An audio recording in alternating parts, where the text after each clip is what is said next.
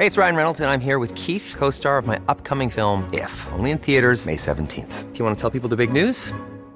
All right, I'll do. Sign up now and you'll get unlimited for $15 a month in six months of Paramount Plus Essential Plan on us. Mintmobile.com slash switch.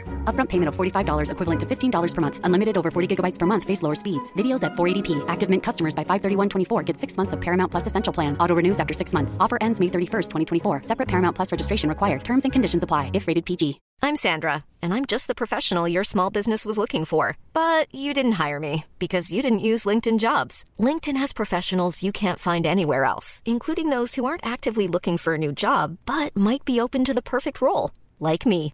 In a given month, over 70% of LinkedIn users don't visit other leading job sites. So if you're not looking on LinkedIn, you'll miss out on great candidates like Sandra. Start hiring professionals like a professional. Post your free job on linkedin.com/people today. Så, nu ser jag era söta nyllen. Staplarna rullar och vi är igång. Det är eh, dags för ett nytt avsnitt av Nyans. Idag ska vi göra lite kuriosa, vilket är ett av mina favoritavsnitt att göra. Jag tycker det alltid det är svinkul. Så jag är supertaggad. Du lyssnar som vanligt på mig, Paula. Mig Hanna. Och mig Kajan. Då har vi inspelningen igång. Så ja, åklagaren kan väl börja ställa frågor. Det här är Nyans, feministisk true crime med Kajan, Hanna och Paula. Jag satt och tittade på mitt egna ansikte för jag tycker det ser ut som att jag har ett filter på mig. Gör inte det? Nej. Vad är det för filter? Nej. Nej, nej okej men skit i det då. jag tycker det ser ut som vanligt. Möjligtvis att du har lite mindre fluffigt hår. Ja, det Men är det tror jag inte svett, filter, det tror jag bara att du har satt upp håret lite stramare än du brukar. Svett Anna, som vill har du, att, bak vill du att jag ska spela med? Nej, det är ganska kört nu, men tack ändå. Okej, fan. Annars tänkte jag köra den här, men gud, du bara skimrar, vad har du gjort? Jag hade ju helt Har du- gått på det. Har du börjat dricka ett glas vatten varje morgon? Mm, Vad är det som gör det här? Men alltså kan, jag, blir, jag blir på riktigt arg. Eller nej okej, kanske det är väldigt överdrivet. Men jag blir på riktigt irriterad åtminstone. När jag hör saker som att liksom i och för sig, det kanske är sant nu när jag tänker på det. Det här med att man ska dricka vatten för att man ska få mer, alltså inte bli så torr i ansiktet. Det kan väl ändå inte stämma? Det är väl klart att det stämmer. Men, men att det skulle ge direkt fe- effekt i ansiktet? Nej, men nej, alltså det är inte direkt effekt så, men det är klart att det, det kommer ju märkas på hela din kropp om den är uttorkad. Ja. Sen är ju inte det största problemet med att du är uttorkad att huden blir fnasig, så funkar det ju inte. Nej. Utan det är ju, Ja, blir- det är ju andra eh, fysiska saker som är... Men, men, Andra fysiska men, åkommor. Ja, som, som är ett problem när du blir uttorkad. Typ att du kan dö. Ehm, nej, men det, men eh, det är väl klart att huden påverkas av hur mycket, eh, eller om man inte dricker vätska. Mm. Precis som allting annat påverkas. Jag vet, eftersom någon annan, jag tänker mig lite grann som på, du vet så här, hundar när de får feber. De blir ju inte riktigt varma på samma sätt som människor. Men de blir ju uttorkade istället för att de inte dricker ordentligt. Och då märker man ju det på nosen. Den blir som Mm. papper. För nosen blir lite sprucken och torr. Ja, är jag tänker på något sätt lite samma med ansiktet, så här, så när man blir uttorkad, att man kommer bli lite sprucken och torr. Ja, det är det värsta som finns. eh, Djur som blir sjuka. Ja, jag vet, de är ynkliga. Och så ska man ta Gud, tempen det, i jag var med om rumpan. det vid till... Ja, ja, gud, jag var med om det vid tillfälle. Sushi... Jag tror det var när Göran var mindre. Han hade råkat dra ner bara, alltså, en nästan tom förpackning av Alvedon. Det fanns en tablett kvar i förpackningen och sushi bet i den. Oj. Ehm, och vi konstaterade så här, han kan inte ha fått i sig mycket, Nej. men det var tillräckligt för att han skulle vara helt sänkt i två dagar. Och då var han också så torr om nosen och jättehängig. Oj, oj, Aj, det är ju maximal ångest Ja, det där. Ja, han var så ynklig. Men eh, ville mest bara ligga i knät liksom i lite mer än ett dygn och sen vände det och började han må bättre. Men det var läskigt. Ehm, Bli min Åh, jag saknar sushi. Det var så mysigt. Ja. Kan inte han följa med när du kommer till Stockholm nästa gång? Vårt ljuvliga eh, hotell som är vårt favorithotell, i alla fall mitt. Jag tänker tjata om det ända tills vi får massa med spons av dem. Eh, det är ju också ett hundhotell. De har ju jättemycket hundanpassningar. Det tycker jag är så jävla eh, sympatiskt. Men det var så när jag... Får När jag boka hotell, hundrum nästa gång då så kan sushi följa med. Ja. Ja, för det var så mysigt för att jag passade ju sushi en vecka eh, och Mm. då, det var när jag skrev på boken. Eh, Och då, då låg, så jag satt liksom hela dagen och skrev och han låg och sov i mitt knä hela dagen. Det var så Vad mysigt. mysigt. Ja. Vad gjorde Ulla då, när sushi låg där och surade. I ett annat rum. Ja, nej, Ulla jag är en hade- sån Karen. Ja, ja, ja, hundra procent. Nej, men vi, för jag bestämde att sushi ehm, fick ha ett eget rum liksom, och sen så fick de dela på resten av lägenheten. Så att Mm. eh, Ulla fick inte vara liksom inne i där jag satt och skrev. Åh, hon var så sur. Ja, fy fan vad kränkande. Mm. Men det var ändå så kul när man var ute och gick med dem båda två. Då blev de som ett litet team som gaddade ihop sig mot alla andra hundar. Ja, fint. det var väldigt kul att se. Och lite Jag besvärligt. undrar vad som skulle hända när man kastar in Bailey i den där kompotten. Åh, Bailey. Han är så jävla kaxig. Ja, det är corgin i honom. Alltså... Och han har liksom nothing to show for it. Han är Nej. ju den minsta plutten med de kortaste T-Rex-armarna och benen Mm. som finns. Och är så fånig på så många sätt. Men ändå så ska han upp med huvudet och... Han fick väl stryk i någon hundraskåd. Ja, det fick han. Ja. Men, det- och det, var- men det var ju inte, det var inget elakt stryk, eller det var ju Nej. valpar, men, men det var ju, alla är ju så mycket större än honom. Ja, då blir det... Så när de skulle leka så åkte han på däng. Det, det var en kris för honom alltså. Ja, Det märkte man att det var inte bara i kroppen han hade jätteont. nej, det var i Utan det var själen. även i själen, det där var inte, det var inte kul. Nej. Någon slags insikt om att till och med små valpspolingar kan bara leka med mig så går jag typ sönder. Och det var tungt. Det var riktigt tungt. Jag kan säga, sushi försöker ju också leka tuff. Mm. Så när han bara tuff tills någon annan hund nosar på honom, då slutar han att vara tuff. Och eh, det faktum att den enda eh, lite varmare kläderna han kan ta på sig just nu när det är kyligt ute, det är en nyckelpigig kostym. Du måste skicka bild Det hjälper sen. inte heller med hans image. Jag måste se, du måste skicka bild. Alltså Jag jag är så här göra 100% inne på att det här är delvis en liten så här payback för en själv till patriarkatet när man Ja. har en liten, liten manshund som bara håller på och tuffar sig och kaxar sig och bara, men vet du vad? Då får du den här rosa lilla kedjestickade tröjan med en liten eh, litteraturvetar-polokrage på. Alltså får du gå runt med den i hundhagen. Nej men alltså jag, jag kan ju säga att jag njuter ju av att, att Ulla kan ju vara riktigt odräglig. Hon är, det är ju en tik. Eh, Ja. Och hon är så jävla, hon kan vara så jävla kaxig och alltså så här arrogant. Ja. Och jag njuter av det på ett sätt. Mm, underbart. Eh, hon är verkligen så här, bryr sig inte om någon, bryr sig inte om något, hon skiter i allt, alla, alltså sådär. Mm. Eh, och sen är hon extremt Mitt bästa med svartsjuk. Ulla, är- mitt bästa med Ulla är fortfarande när du skickade videoklipp på när hon bara ute på promenad vägrar att gå Ja, och lägger sig ner och man måste typ dra henne. ja nej men för att alltså hon vill hon, inte. hon har för, alltså hon bestämmer sig, jag vill gå åt det här hållet.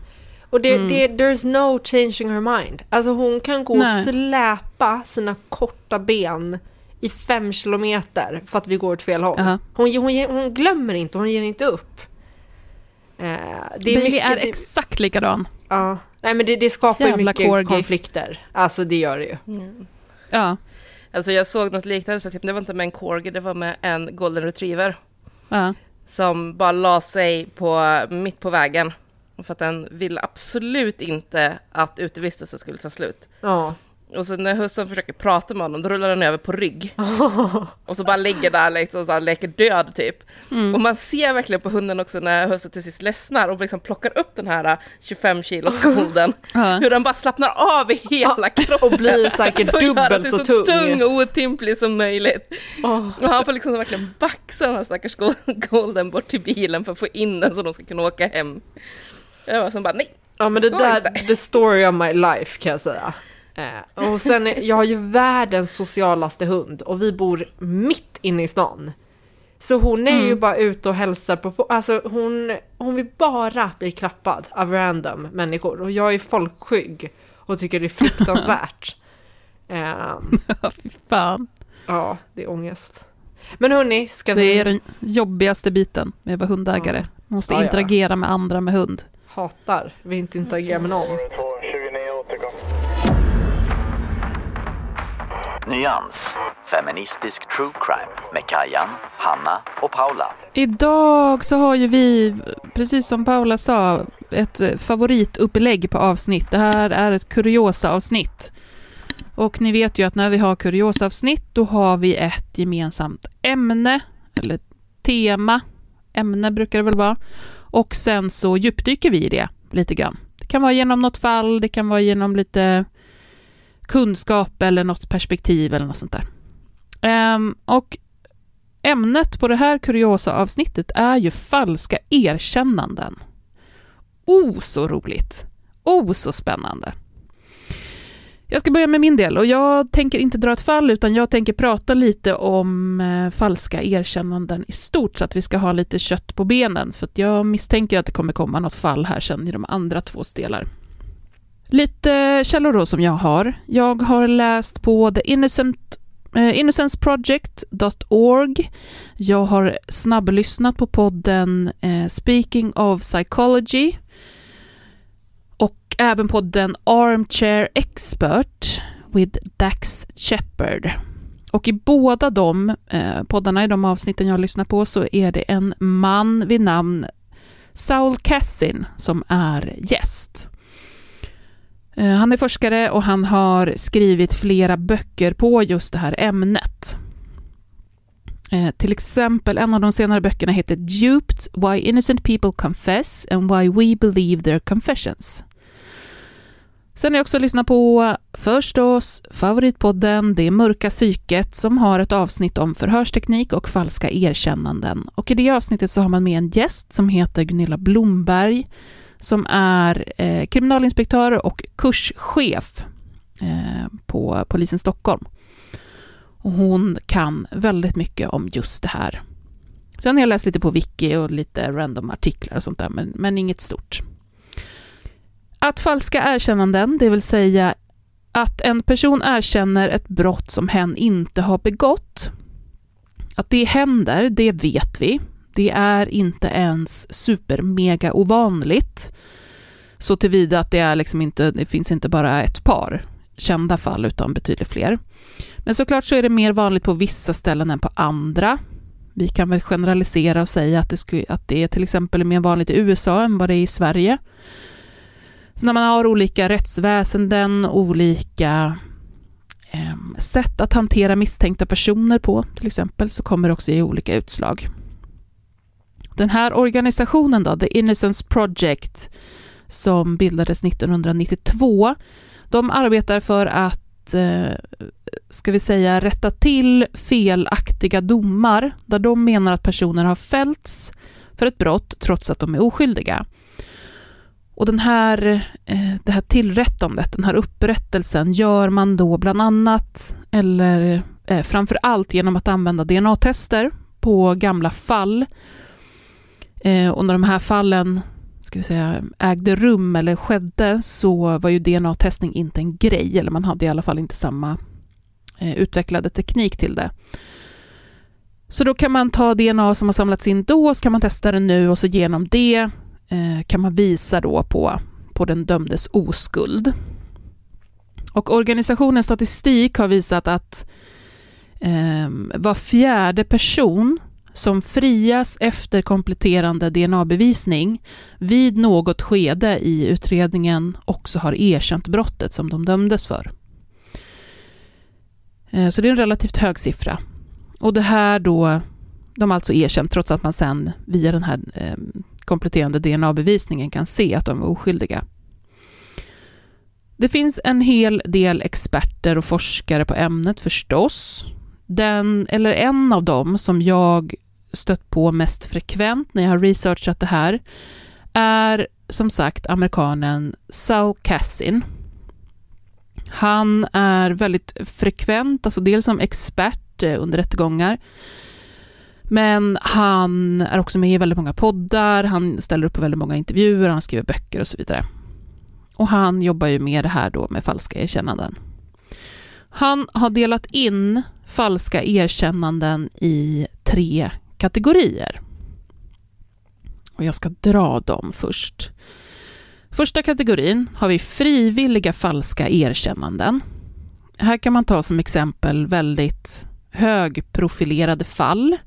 Alltså sådana fall som blir, ja men tänker Anna Lindh-mordet, sådana som blir väldigt uppmärksammade, väldigt stora. Ehm, och som då det finns personer som helt enkelt av olika anledningar vill ha uppmärksamhet kring för att stilla någon form av bekräftelsebehov.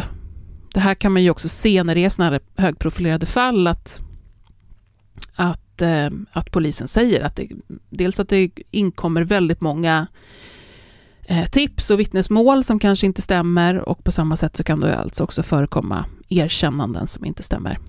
Men i den här första kategorin så eh, kan det också inkluderas, eller det inkluderas att det kan vara en person, till exempel en släkting, som eh, erkänner för att ta skulden, ehm, säger man så, take the blame, eh, tar, ja, men tar skulden för någon annan. Så att om något av mina barn skulle mörda någon och sen skulle jag eh, kunna se en möjlighet att jag tar på mig det, så skulle jag ju högst sannolikt göra det. Eh, hypotetiskt förstås. De, ingen har mördat någon i min familj, hoppas jag. Eh, kategori nummer två kallar man internaliserade falska erkännanden. Och det är personer som på grund av till exempel att man har eh, tappat grepp om verkligheten faktiskt har kommit att tro att man själv har begått brottet. Så att av olika anledningar så har man inbillat sig, fått för sig, eller verkligen liksom tror på att det här som man misstänks för har man också gjort, trots att det alltså inte stämmer. Den sista kategorin kallas tillmötesgående falska erkännanden och det är precis som det låter. Personer som för att vara tillmötesgående, det vill säga eh, ja, men möta en efterfrågan på någonting, eh, erkänner ett brott. Och i det här så innefattas då att man till exempel ger upp för att slippa pressande situationer som till exempel då påtryckningar från polis. Det här är väl den kategori som man kanske hört talas om mest i Sverige i alla fall. Eh, chanser, det är känslan jag får. Men just det här att man Eh, man säger att jag sa det som polisen ville höra, eller de hade ju redan bestämt sig för att det var jag. Och de sa att det här skulle, eh, det skulle bli så mycket bättre, det skulle bli lindrigare för mig ifall, ifall jag bara erkände, så jag gjorde det. Det känns som en grej som barn skulle kunna vara extra känsliga för. Absolut. Tänker jag. Den kategorin. Barn och sen också har vi haft den här kategorin av, av personer som är mer tillmötesgående lagda, så att mm. man, vill, man vill behaga personer, man vill göra rätt. Och vill man då göra rätt för en förundersökningsledare som har bestämt sig för att det är du som är skyldig, så är det ju lättare att säga ja. En annan expert då, av de här mest profilerade personerna är islänningen Gisli Gudjonsson. Och i hans forskning kan man till exempel se hur precis det här som vi var inne lite på nu då, hur vissa typer av personer eller personligheter är mer mottagliga för eh, påtryckningar som sen resulterar i falska erkännanden. Och då finns det olika jag vill säga, eh, faktorer som blir riskökande för de här personerna. Och det är till exempel unga personer, kan man se, precis som du sa Anna, har större benägenhet att, eh, att landa i falska erkännanden. Och då kan vi ju resonera oss fram till att det då skulle tillhöra den här sista kategorin, tillmötesgående falska erkännanden. Men här finns också personer som har psykiska sjukdomar, eh, personer med intellektuella funktionsnedsättningar. Det känner vi igen från eh, West Memphis 3, det fallet som, som vi gjorde. Ehm, och det är också personer med eh, missbruksproblem. Så alla de här är några exempel på personer som har en ökad risk för att Eh, man ska hamna i ett falskt erkännande. Men, men att de här personerna har en ökad risk för det betyder ju inte, obs, att de utgör alla som erkänner falskt. Du behöver inte tillhöra någon av de här kategorierna eh, och du kan eh, finna dig i att du har erkänt falskt ändå. Gudjonsson då, den här islänningen, han står också bakom en skala som är ganska så spännande. Eh, den kallas för Gudjonssons Suggestibility Scale och eh, han skapade den 1983. Och suggestibility, um, vi kan väl säga det på svenska som att det handlar om hur lättpåverkad man är eller hur mottaglig någon är för yttre påverkan. Så det här testet då, det mäter två saker. För det första hur en person som förhörs, eh, hur lättpåverkad den är av ledande frågor. Det vill säga hur nära till hands det är för den personen att ska vi säga, följa ledande frågor eller ändra en utsaga eh, till följd av ledande frågor. Och för det andra så mäter det här testet hur mycket mycket eh, den förhörda personen ändrar på sin utsaga eller sina svar när annan press i förhörssituationen adderas. Så annan press utöver ledande, ledande frågor. Då. Jag kikade lite på det som jag kunde hitta som stod om det här testet och på det ursprungliga upplägget av det. Och det är super intressant. Jag skulle lätt kunna djupdyka i det. Men i det jag läste då så handlar det om att man för personen man ska testa så läser man upp en kort berättelse, en, en mallad berättelse. Den jag såg, jag är osäker på om det liksom bara är den här berättelsen man läser upp eller om det finns flera olika. Det känns som att man borde hålla sig till en och samma. Eh, men den som jag såg då var en ett kortare stycke om en kvinna som är utomlands och blir rånad, liksom rånöverfallen. Och så innehåller det lite olika detaljer, typ vad hon heter, var hon kommer ifrån, vad hennes man heter, hur mycket pengar hon hade i väskan och sådär. Och sen ska då den som testas, eh, den får höra den här berättelsen en gång och blir tillsagd att lyssna väldigt noga. Och sen så ska den återberätta den här historien med så mycket detaljer som möjligt. Och det här man, kan man göra på lite olika sätt och i vissa fall så väntar man i ja, typ 50 minuter innan man be, berättar igen och så. Och just den här biten handlar om att eh, få koll på ja, men minnesperspektivet av det. Så det här handlar ju inte bara om eh, falska erkännanden utan också om, eh, ska vi säga, alltså eh, pålitligheten av vittnen. Det har ju varit jättemycket diskussioner kring alltså ögonvittnen, hur säker man kan vara på sin sak och hur påverkad man kan bli och hur mycket man kan förändra eh, sin minnesbild över tid och så. Men efter det här då, eh, efter man har fått återberätta den här historien, så får den som testas 20 frågor om den här berättelsen. 15 av de här frågorna är ledande frågor och 5 är neutrala. Och de här 15 ledande frågorna är också indelade i kategorier som eh, handlar om att vissa bara är alltså plain ledande frågor, vissa är bekräftande frågor och vissa är eh, frågor eh, kring falska alternativ.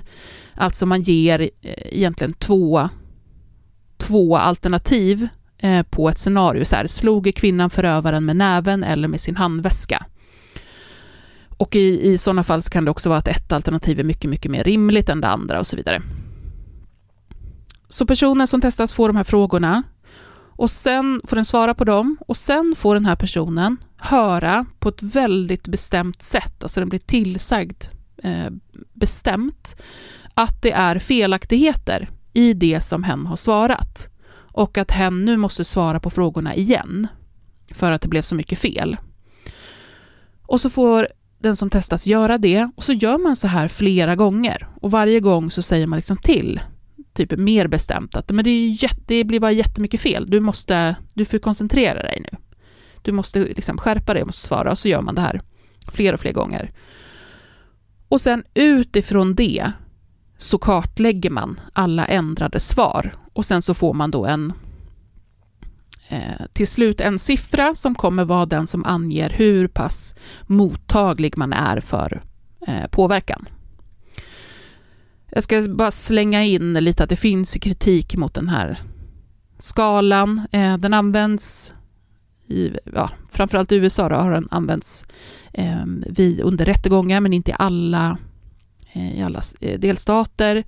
Det finns kritik rörande att eh, det är så mycket som fokuseras på den här minnesbiten, det vill säga återberättandet av den här historien som man fick uppläst. Och har man till exempel en intellektuell funktionsnedsättning eller någonting som påverkar ens förmåga eh, antingen att återberätta eller, eller ha ett gott minne, så kommer det också påverka resultatet på ett sätt som kanske blir missvisande. Eh, så att man har det med sig, men så är det med alla de här sakerna. Det finns alltid kritik också. Så någonting som vi förstår spelar en stor roll i det här med falska erkännanden är ju förstås, precis som vi har pratat om nu med ledande frågor, eh, förhörsledarens, eh, polisens, utredarens agerande och också förhörstekniken som används. Det finns olika förhörsmetodiker och väldigt många olika har använts historiskt man kan prata om tortyr till exempel som en förhörsmetodik. Ehm, jag ska prata lite grann om två stycken här. Och det är två stycken av dem som nämns som eh, ändå liksom vanliga under 2000-talet. Och då börjar vi med en metod som heter READ-metoden. Det är en metod utvecklad av en eh, polis vid namn John Reed. Och den här metoden jag kan säga direkt, den känns extremt amerikansk, om ni kommer förstå varför. Den består av tre steg. Först är det faktaanalysen, som man kallar det. Och det handlar om att man kollar på eh, den misstänktes alltså möjligheter till att ha begått brottet. Så man tittar på det som finns. men kan personen ha varit på platsen? Finns det någon bevisning och så vidare? Motivbild och sådär. Sen kommer beteendeanalysen och det är en intervju som man gör med den misstänkte där man bland annat ställer eh, väldigt provocerande frågor för att trigga igång beteenden och trigga igång känslor hos den som eh, man förhör. Då. Och sen utifrån hur personen svarar på de här eh, väldigt provocerande frågorna så läser man in olika saker i form av eh, hur skyldig man tycker att den verkar eller inte.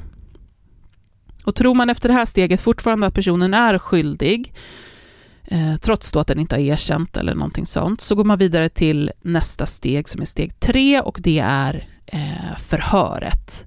Och det här förhöret har ett syfte och det syftet är att driva fram ett erkännande. Eh, så det är, man kan tänka sig att det inte är riktigt så eh, som, som svensk polis jobbar idag. Det finns liksom inte en, en uttalad strategi att nu ska vi driva fram ett erkännande på, på de mest kreativa sätt vi kan. Och den här, eh, det här invasiva förhöret då, Ehm, finns det också steg i. Det finns nio olika steg.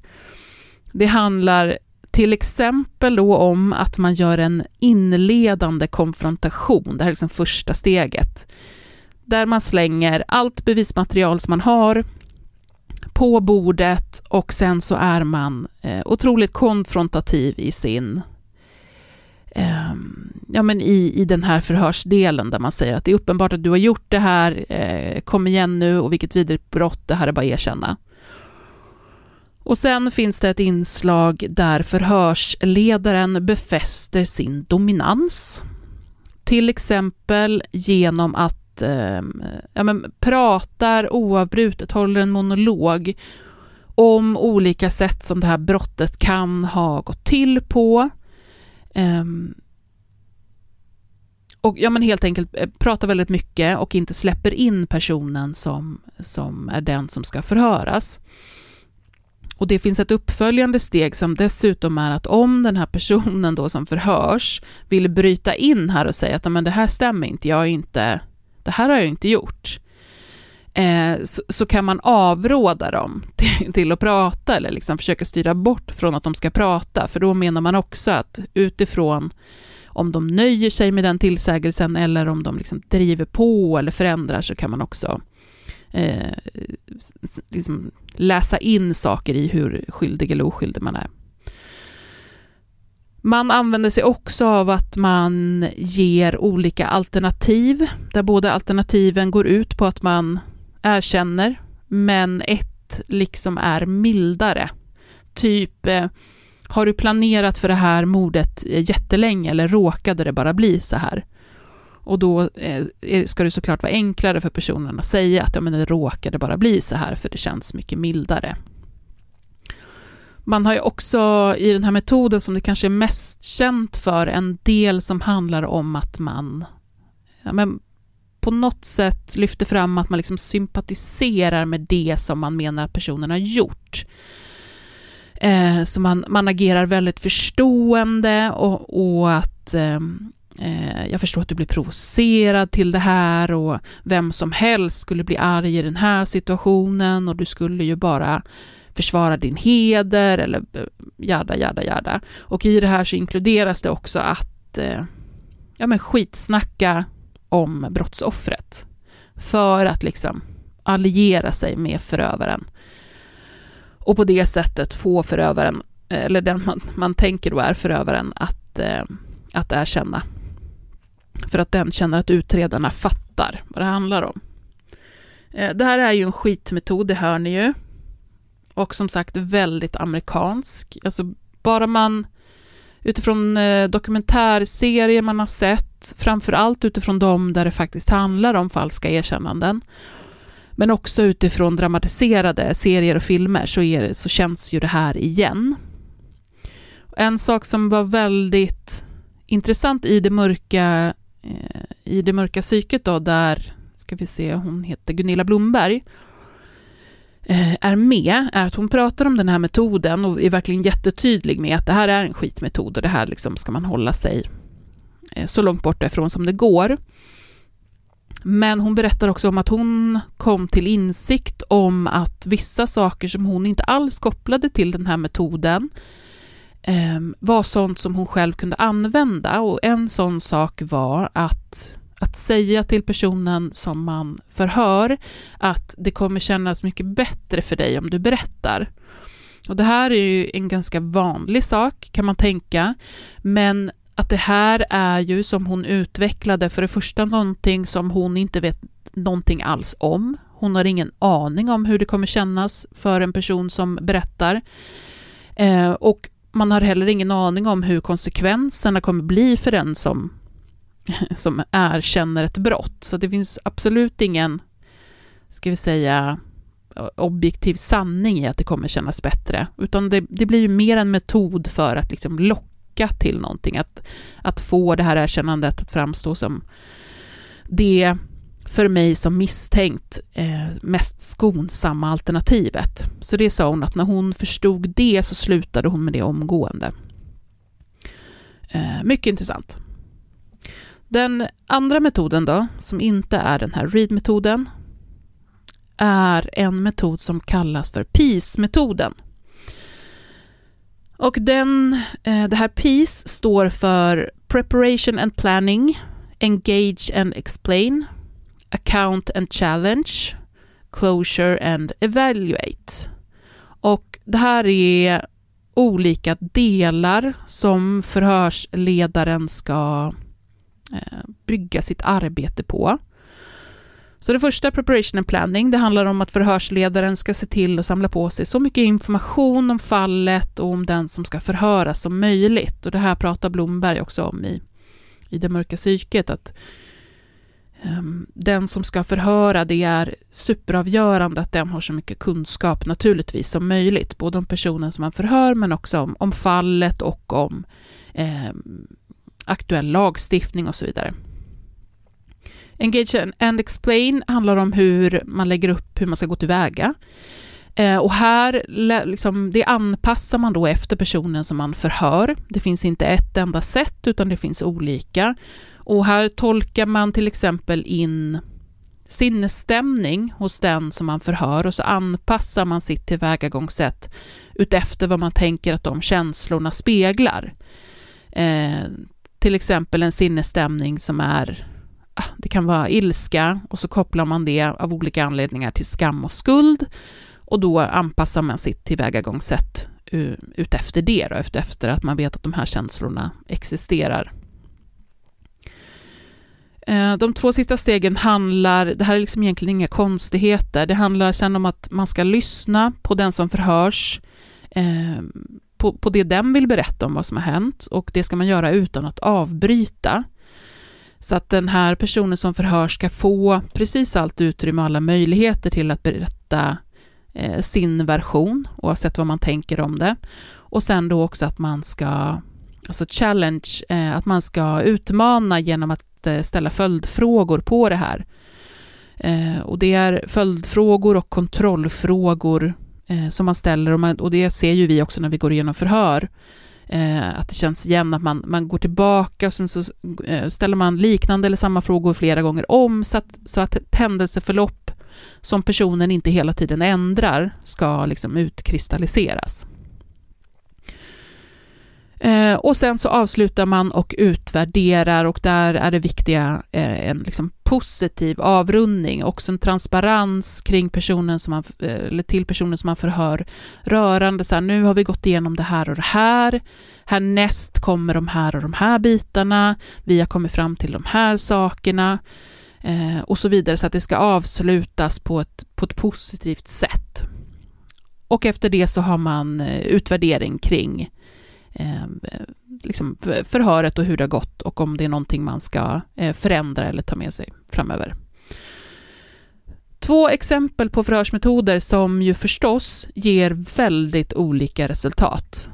Och anledningen till att jag vill ta upp dem är för att visa på just det, att eh, beroende på ska vi säga, vem det är som förhör och vilken metodik man lutar sig på så kommer man få väldigt olika resultat. Jag tror att det är viktigt också att påminna sig om syftet med det, att inte använda en sån här ful, ful metod, mm.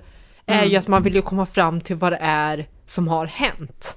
Ja. Och inte, man vill ju inte med alla medel bara få ett erkännande och få, eh, få en dom. Utan du vill ju få en korrekt dom som stämmer överens med verkligheten, liksom, tänker jag. Ja, ja eh, visst. Och, att det är och inte minst för att inte, inte minst för att inte, ska vi säga, den, den riktiga förövaren ska gå fri. Alltså sitter du och trycker dit någon annan som, ja. och liksom använder alla de här fulsätten att manipulera eller liksom pressa någon till att erkänna så, så är det ju du som arbetar aktivt för att den skyldiga personen går fri. Ja, och också ur ett så här brottsoffersperspektiv, att, att man ska kunna känna sig trygg med att den som blir dömd är den som har gjort det. Ja, eh, ja. visst. Eh, jag ska avsluta med, jag ska ge några tips bara som jag har sett eh, relativt nyligen om man är sugen på att liksom se mer hur det här kan liksom falla ut i, i verkligheten. Eh, på Netflix så finns serien The Confession Tapes. Det är en dokumentärserie om eh, personer som döms för brott men sen hävdar att deras erkännanden var framtvingade. Och då finns det också med ofta eh, videoupptagningar och ljudupptagningar från de här förhören och vissa är ju otroligt provocerande att se alltså. Och sen några dokumentärtips. Eh, den senaste, nu kollade, jag har pratat om den förut, nu glömde jag kolla vad den heter, men den senade, senaste om Amanda Knox um, är otroligt intressant just ur det perspektivet med hur, eh, hur polisen förhöll sig till förhören. Och med, eh, liksom, man har bestämt sig för vem som är skyldig och man vill helt enkelt bara få fram just det.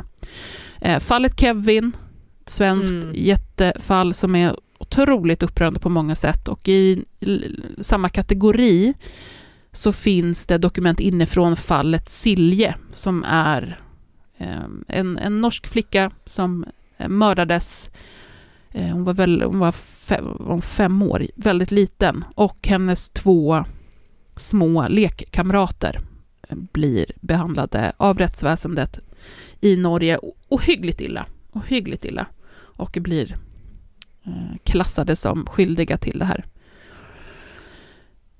Eh, ja, men bara hörni, snabbt innan, för jag känner nu så här att jag vill heller inte hamna i läxpodden eh, Motiv, att åh, alla kan... Eh, är, man, är man missnöjd med att man blir dömd ska man alltid dra det, det, här var framtvingat, det var ett, ett falskt erkännande.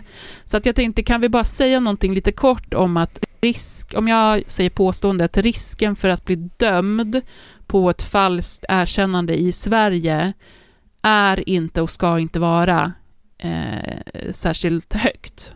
Nej, och det är ju också för att domstolen säger att det räcker inte med ett erkännande. Ja. Det måste, erkännandet måste ju, det måste ju finnas annan bevisning som stöttar upp att det är den personen säger är sant. Precis. Eh, så det räcker ju absolut inte. Eh. Det har blivit så nu på väldigt uttalat sätt, det räcker inte med ett erkännande. Kommer ju lite grann utav det, men även Thomas Quick till exempel. Ja, mm. jag tror mycket Som du ska Thomas gå in på Quick. Hanna, att det, det... Vi har haft vår beskärda del av skandaler liksom där under 80-90-tal bland annat då. Mm. Och då blev det lite mer känsla där att nej, nej, vi kan inte bara gå på ett erkännande för det vet man aldrig var det kommer ifrån. Nej. Eh, precis. Och, och det är ju, det är ju nästan en av de Ja, och det är nästan en av de för, en fördom som lever kvar. Att jag tänker att man kanske tror att det räcker att någon erkänner och så eh, är, är det det som domstolen går på, men så funkar ja. det inte. Nej. Eh, och jag tycker vi väldigt ofta ser det i domar, att, så här, att, att de skriver uttryckligen att ja, så som, så som ni vet så räcker det inte med ett erkännande utan eh, det får stöda bla bla bla bla bla. Liksom. Ja, eh, och mm. att man går in och värderar eh, erkännandet i liksom olika steg. Hur, ja. hur är trovärdigheten på det här och vilken kontext har det tillkommit och så vidare och så vidare. Och oftast är det inte mm. egentligen erkännandet i sig, att så här personen säger japp, det var jag som har gjort det. Det betyder ingenting. Utan det är Nej. i så fall att personen beskriver ett händelseförlopp och så värderar de det, de värderar själva eh, för hela, hela utsagan. Är mm. det här mm. troligt? Mm. Eh, ja eller nej? Mm. Liksom. Just det. Och så stämmer det med övrig bevisning mm. etc. Ja. ja. Mm. Exakt. Säger personen att jag mördade den här eh, an, ja, offret på toaletten och man vet att personen blev mördad i köket till exempel. Ja. Så, här, så att, ah, nah. Ja men precis. Det här nah. stämmer inte. ja men nej vem, vem försöker du täcka för nu? ja, ja. Um. ja men bra, så att vi bara avslutar på den. Ja men precis. Um. Ja, och nu som vi var inne på lite så ska jag prata om Thomas Quick, a.k.a. Sture Bergvall a.k.a. min morfars kusin. Ehm. det är ju lite, det kanske vi ska ha som någon slags tagline Hanna, för, för podden. Jag har tänkt någon gång att så här, hmm, vi kanske borde intervjua Sture. Ja. Det känns inte helt omöjligt. Är ni på, på, är ni på BFF basis eller vilken? Alltså jag har ju aldrig haft någon, eh, eh, någon kontakt med honom. Det närmsta Nej. jag kommit är att han, han har ju sex syskon. Eh, mm. Och på min morfars begravning så, jag tror att någon av hans syskon kom eh, mm. dit. Så det är väl det. Och sen så hans, hans ena syster eh, bodde som var, var barnflicka hos min mamma när hon var liten. Mm. Och min mamma är tydligen döpt efter henne som jag fattade det så. Ja, jag vet inte riktigt hur det där var. Men, men de, så att, så att hon, min mamma har ju träffat honom eh, och berätt, kom ihåg från när liksom hon var liten och han kom Ja. och hälsade på eh, på landstället. Och hon sa att han var jättekonstig. Såklart. Ja. Ja. Hon tyckte det. Han till exempel så ville han inte, hon, hon sa att det hon kommer ihåg var att han hade en stor svart hund typ och var satt liksom ute på gräsmattan och ville inte komma in. Nej. Eh, Låter som ett rätt rimligt bjuden. beteende i och för sig. Vad sa du? Låter som ett rätt rimligt beteende i och för sig. Ja. Bara stanna Ja. hellre här ute med min hund. Alltså det hade så kunnat varit jag känner jag, rent krasst. Sitta ute på Mm. gräsmattan med en hund eller gå in och hänga med människor. Det är Mm. pretty easy Mm. choice. Eh, men hur som helst, eh, vad var det jag skulle säga? Jo, eh, hon blev, mamma blev också bjuden till hans releasefest. Så här, Oh, när han kom ut ur fängelset sen. gick hon på den? Eh, nej. Tror inte- Synd. Nej.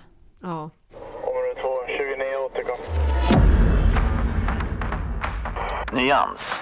Feministisk true crime med Kajan, Hanna och Paula.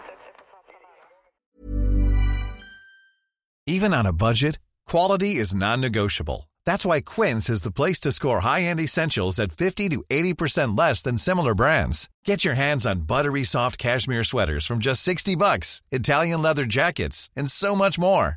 And the best part about Quince, they exclusively partner with factories committed to safe, ethical, and responsible manufacturing. Elevate your style without the elevated price tag with Quince. Go to quince.com slash upgrade for free shipping and 365-day returns. Hey, it's Ryan Reynolds, and I'm here with Keith, co star of my upcoming film, If, only in theaters, May 17th. Do you want to tell people the big news? All right, I'll do. Sign up now and you'll get unlimited for $15 a month and six months of Paramount Plus Essential Plan on us. Mintmobile.com slash switch. Upfront payment of $45 equivalent to $15 per month. Unlimited over 40 gigabytes per month. Face lower speeds. Videos at 480p. Active Mint customers by 531.24 get six months of Paramount Plus Essential Plan. Auto renews after six months. Offer ends May 31st, 2024. Separate Paramount Plus registration required. Terms and conditions apply if rated PG.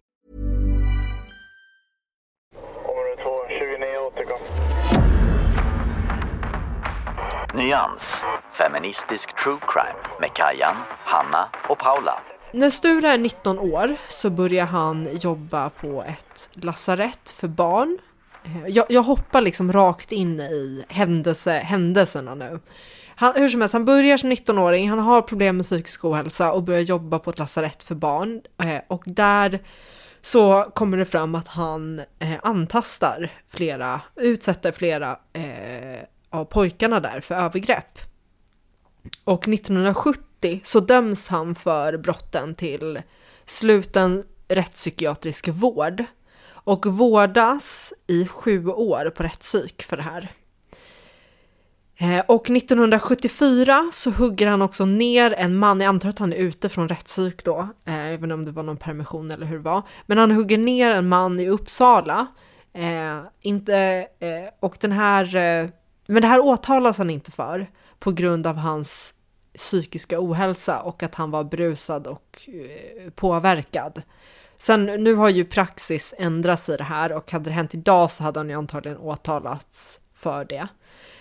Eh, och sen då 1989 så lägger Sture, då är han ute i det fria igen, men han lägger in sig själv på Säter rättspsykiatriska avdelning igen då, för att han är rädd att förlora kontrollen, som han, sen, som han säger själv.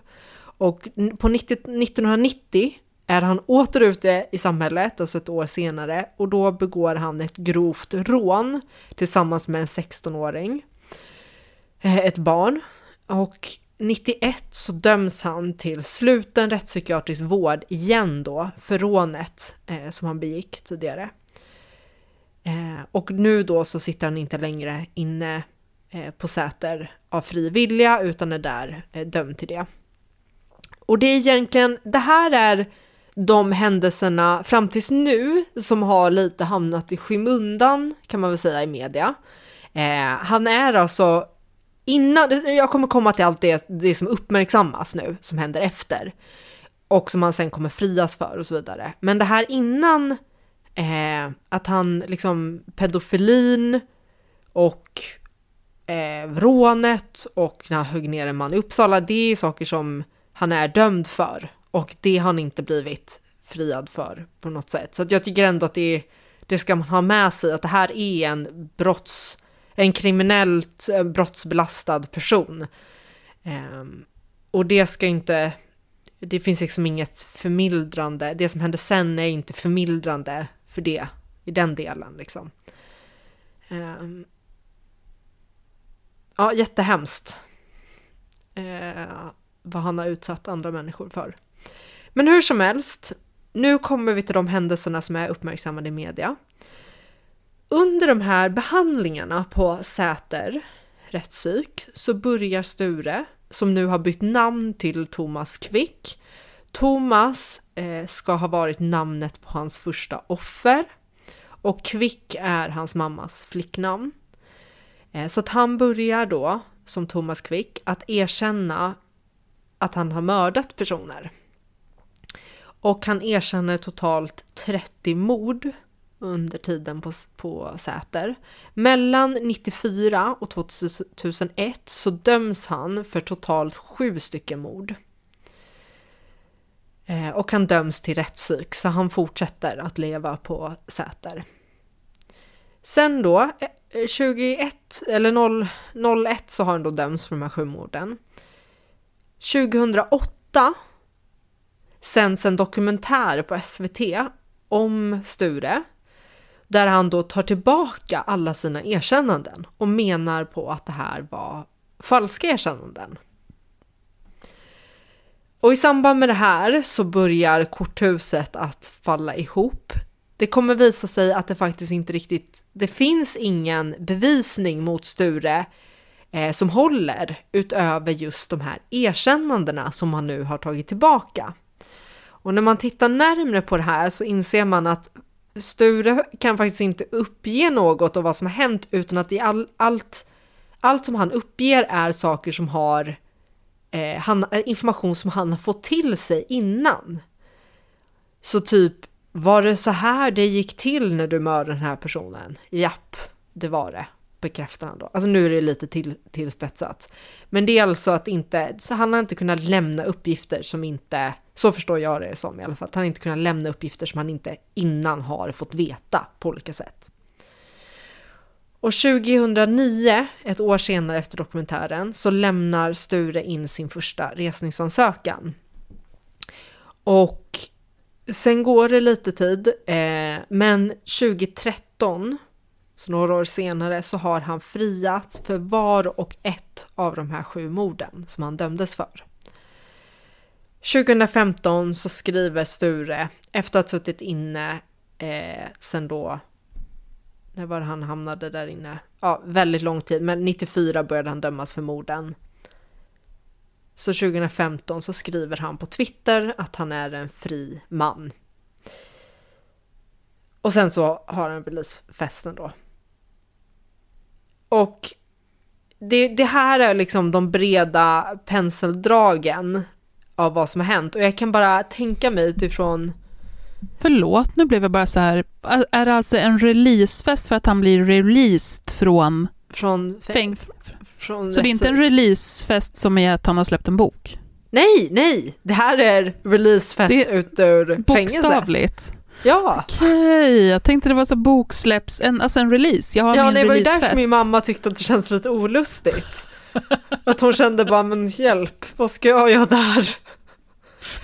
eh, ja. Okej, nu är jag med. Nu är jag med. Ja, det var en sån releasefest, en lite mer udda variant. Att skriva bok är också ovanligt, men det här känns som snäppet ovanligare. Eh, men hur som helst, ja, alltså det finns ju, finns ju såklart väldigt mycket mer i det här. Nu, nu var det här eh, som sagt breda penseldrag. Men det är väl, eh, alltså Sture har ju också haft den här omfattande psykisk ohälsa. Och som jag förstår det så var det, när han gjorde de här erkännande så var han kraftigt medicinerad. Eh, och liksom inte riktigt med på banan överhuvudtaget, utan typ som en zombie liksom, för att han var så medicinerad. Och sen när han då successivt slutade med medicinerna så vaknade han väl till lite. Eh, och var så här, nej men det här, har, det här har inte jag gjort. Eh, och sen så kan man ju, alltså jag har ju inte tittat på såklart på alla förhören, men som jag har förstått det så använder man nog väldigt mycket av de här teknikerna som du kan vara inne på, på i dem. Jag såg att Paula satte igång sin mikrofon. Mm, jag bara tänkte på en sak där med medicinering också. Och det var ju att han var ju delvis beroende av vissa av de Ja. medicinerna som han fick. Så man använde ju det också att eh, man liksom frånhöll medicinerna. Och när han sa det de ville att han skulle säga så fick han Alltså det är så medicinerna sjukt. som han ville ha. Så man utnyttjar abstinensbesvären liksom för att få honom att säga det man ville att han skulle säga. Då skulle man ju säga Det- vad som helst. Alltså det här finns Ja. ju ett, eh, ett spel, alltså ett, eh, typ ett, ett kortspel, ett sällskapsspel som, som liksom går ut på precis det här. Jag har spelat en gång på en pub med kompisar, eh, men det handlar om att man helt enkelt ska eh, erkänna olika bizarra brott eh, på olika sätt. Och sen så får man, om, om det går, går hem, som man liksom blir dömd för det, då får man tablett, alltså tabletter som belön. Det är valutan. Aha. Ja, men det- som motsvarigheten då till att säger man det som... Mm. Alltså, alltså det är ett kort med en tablett på, du får inga riktiga tabletter i spelet. Jaha, jaha. Jag trodde, Jag tänkte det var godis. jag tror inte, jag bara, vad är det sån här, vad heter det, sån här memes, eller vad heter de? MSS, eller ni vet de här hårda Emser. små... Eh, M&M. Emser. Emsers. Emse. Eh, Mm. Nej, det är kort, det, är kort med piller på. Kort med piller på. Det låter i och för sig jätteroligt det spelet. Det är ett väldigt roligt spel. Jag, ska, Ja. jag köper in det så får vi spela det Ja. när vi har vår Ja. januari kickoff. mm, mm. Ehm, ja. Nej men det var, det var min dragning. Jag tänkte, jag tänkte mycket när jag höll på med det här och, och läsa just på brottsoffersperspektivet. Och att det här nu innebär att så här, för de här sju familjerna, eh, att, eh, alltså att det, vilket sår det river upp hela den här grejen nu igen. Och att man inte får Mm. det här avslutet. Ehm, ja. Nej, det är verkligen mardrömsscenario. Eh, Och det finns ju så Mm. oerhört mycket att kritisera för hur den här utredningarna, hur utredningarna gjordes och alltså det är en total jävla bajsmacka alltihopa. Vad heter, den här, vad heter boken? Eh, Mannen som slutade ljuga. är det den jag menar? Det här, det här har vi gjort förut. Jag vet inte. Ehm, nej, att, eh, att skapa... ehm, alltså Hannes Råstams. Ehm, att skapa en seriemördare, ja, ja, ja. fallet Thomas Quick.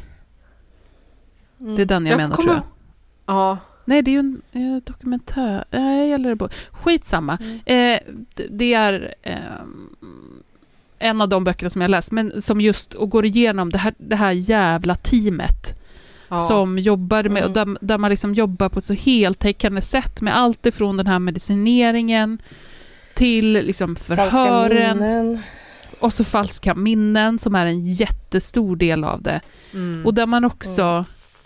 Ja, men lite finns så här kopplingar till, till ändå, tänker jag, m- motiv poddsarbetet i, i liksom bristen på all rimlighet. Alltså när Thomas Quick sitter och berättar om hur han helt plötsligt kommer ihåg, alltså det är ju helt sådana här bisarra saker. Han, är, han tvingas väl äta liksom något, något aborterat. Ja, den grejen. Han, att hans, Mm. han, han berättar ju om att han då har fått ett sånt här minne på rättspsyk. Där han berättar Mm. om att hans eh, mamma då eh, födde ju ett dött foster. Som hon typ, som han då var tvungen att se, eller, eller att barnet var levande och sen de dödade det. Och sen var han tvungen att cykla med det här och gräva ner det här kvarlevorna någonstans. Eh, och sen har han ju också sagt att han har blivit eh, liksom sexuellt utnyttjad av en av föräldrarna och olika saker. Men allt det här har han ju sen tagit tillbaka och sagt att det här det här inte alls var så och ingen i familjen säger att så här, nej men det här stämmer inte. Ja. Men då, alltså så helt, fr- alltså rakt av fullkomligt orimliga saker Ja. som han då eh, liksom helt plötsligt kommer ihåg eller kommer Ja, på. Och hur man, ja, och hur man förhåller sig till det från det här utredningsteamet, hur man förhåller sig till de här uppgifterna på ett så här, jaha, då var det så det gick till. Ja. Det är ju lite, det är ju liknande hur eh, Alexander Mork jobbar med i, i Motivpodden, tänker jag. Det är därifrån han har fått inspiration. Nej, men alltså på något det är liksom de mest bizarra saker från en person som inte på något sätt sitter i någon opartisk eller liksom opåverkad situation. Mm. Och som man, som man då bara liksom sväljer och drar Mm. jättestora växlar på. Jättefarligt, man ser ju hur jävla illa det kan gå alltså. Jag, eh, bara jag kom att tänka på en anekdot när han, det var ju någon gång där mitt i när han satt, satt i, i, på rättspsyk som han eh, gjorde ett rymningsförsök. Och då när han var på rymmen så var vi på det här landstället. Och vi var ju, min, min mamma och min moster och alla, vi var helt övertygade om att han var på väg dit. Så jag kommer ihåg, det här var ju innan han var friad, så vi trodde ju att det var en mördare som var på väg till oss. Herregud. Och han blev ju tagen på sin moppe precis utanför, alltså jättenära landstället. Jaha. Vilket drama. Och vi var där och bara, jag visste ingenting i och för sig, för att eh, mina föräldrar berättade ju inte om att vi var släkt förrän jag var typ, jag vet inte, 16 eller någonting. Mm. Men har du, ehm, är det någonting ni pratar om alltså, på, på den sidan av släkten nu? Är det, är, det, är, det, är det något man inte pratar om, men som alla vet? Eller är det här en grej som man typ bearbetar ihop? Eh, Nej, nej, alltså det var ju no För någon anledning så bestämde de sig att, att min mamma bestämde sig att vi ska inte berätta det här. Vilket jag tyckte var, tycker i och för sig är jättekonstigt. För det är inte som att det här har orsakat något trauma hos mig att veta om det här släktskapet. Eh, men, men hur som helst, det, nej, det, jag, de tänkte att vi säger ingenting om det här. Eh, men sen kom, så råkade väl någon försäga sig eller något. Jag kommer inte ihåg, men de, de berättade i alla fall. Eh, men det här, nej, det är inget, det är inget jag, upplever inte att det är något slags obehag i släkten kopplat till Nej. det. Att pra, varken att prata om det eller att eh, inte prata om det. Det är ju inget som vi inte pratar om, men vi pratar ju inte om det så ofta heller. Nej. Förutom när det är någonting, alltså när det, såklart när, när det hände massa grejer. Mm. Men har du någon, ha, nu vet inte jag, alla släkter är olika hur tajt man är och hur mycket man umgås, men har du någon bild av om är han liksom upptagen av, av släkten och familjen igen, så att han typ, eller är han ensam och Det- utstött? Nej, min bild är inte att han är ensam och utstött. Nej. Ehm, jag tror, jag vet inte. Men jag fick, jag har en känsla av att så här. Det var nog många i min släkt som inte trodde att han var skyldig. Mm. Utan trodde just att han bara sa, jag vet att min mamma sa det att, eh, att, hon, att hon var så här liksom att ja, han erkände för han ville uppmärksamhet och sen så tog han tillbaka det för att få mer uppmärksamhet liksom. Just det. Någonting i den stilen. Nu, nu ska jag inte, jag, jag ska inte quota henne på det, men jag vet inte. Men Nej. jag upplever inte att, jag upplever att de, många i min släkt inte trodde att han var skyldig till det här överhuvudtaget. Nej. Vilket ju är en ganska eh, rimlig take på det, i och med hur bisarrt allting Ja, ja. var. Eh, men sen jag tycker, det, jag tycker egentligen att det jobbiga med det här är ju eh, de brotten han faktiskt är dömd för. Mm. Det, känns ju, det tycker jag känns olustigt. Mm. Man vill inte, ha, man vill inte att en släktingar ska ha begått hemska brott. Nej, och samtidigt det har vi ju alla. För att Ja. det, det, alla har vi eh, pedofiler och sexualförbrytare och Ja, annars så vore det ju... Statistiskt så skulle det inte gå ihop annars. nej, nej, nej, nej, nej. Det är ju, Går man tillräckligt långt bak så kommer man hitta någonting, så är det Ja. bara. ja, jo, jag tror inte man behöver gå så himla långt bak. Nej. Nej, det tror inte jag heller. Men eh, oavsett, liksom, in, ingen kommer vara utan. Eh, att det finns Alla folk får som sin har begått släng av sleven. Någonting värre än skattebrott liksom. Ja. Mm. Ja. Men det var Precis. nu Paula, vill jag höra. Område 2, 29 återkom. Nyans, feministisk true crime med Kajan, Hanna och Paula. Du lät så himla på som att du hade någon som helst aning om vad jag Nej, ska jag har prata om. ingen aning. Det är det Nej, som är och så det är det- spännande. Det är faktiskt jättespännande, för vi har inte frågat och hen har inte sagt, så att vi vet inte. Nej, men jag gillar, alltså det, är- det är kittlande. Det, det, det gjorde det lite spännande för mig också, för jag fick ju sitta lite som på nålar här när Kajan pratade och skulle se så här, kommer du att ta upp saker som jag tänkte ta upp eller inte? och det hade inte varit hela världen om du gjorde det, Gjorde jag så att det säga. Men nej. Nej. gjorde du faktiskt inte. Ehm, jag tänkte prata lite grann om vilka typer av falska erkännanden som finns, men upphängt mot lite olika eh, fall kan man väl säga. Jag hittade nämligen en spännande liten forskningsrapport där man hade kikat lite på det här med, med falska erkännanden. Och eh, där man går igenom då att det finns tre typer egentligen av falska erkännanden. Man hade en period där man sa fem. Men eh, man tyckte det blev lite för rörigt egentligen. Så att man eh, klumpar ihop tre av dem till en. Och så vart det eh, tre typer kvar. Så att säga. Och den första typen av falska erkännanden, det är det man kallar för ett frivilligt falskt erkännande. Där de här taktikerna och så som Kajan gick igenom kring hur man kan förhöra och vad man kan göra som kanske kan leda till ett falskt erkännande inte har förekommit. Där är någon som kanske själv tar kontakt med polisen och erkänner ett brott som den inte har begått. Och här är det väldigt, väldigt vanligt faktiskt bland seriemördare. Jag skulle precis Att man säga tycker det. om att komma med falska erkännanden. Det är ju alltid, de tar ju på sig, det är alltid att de ska säga jag gjorde det, jag gjorde det. Mm. Precis, och det är därför man brukar vara lite sådär äh, när man säger kring vissa av de här äh, mest om man säger, värsta seriemördarna, att då kan det vara något sånt att ja, de har erkänt 200 mord, men vi har kopplat dem till 50, så de övriga 150 vet vi ju inte om det stämmer eller inte.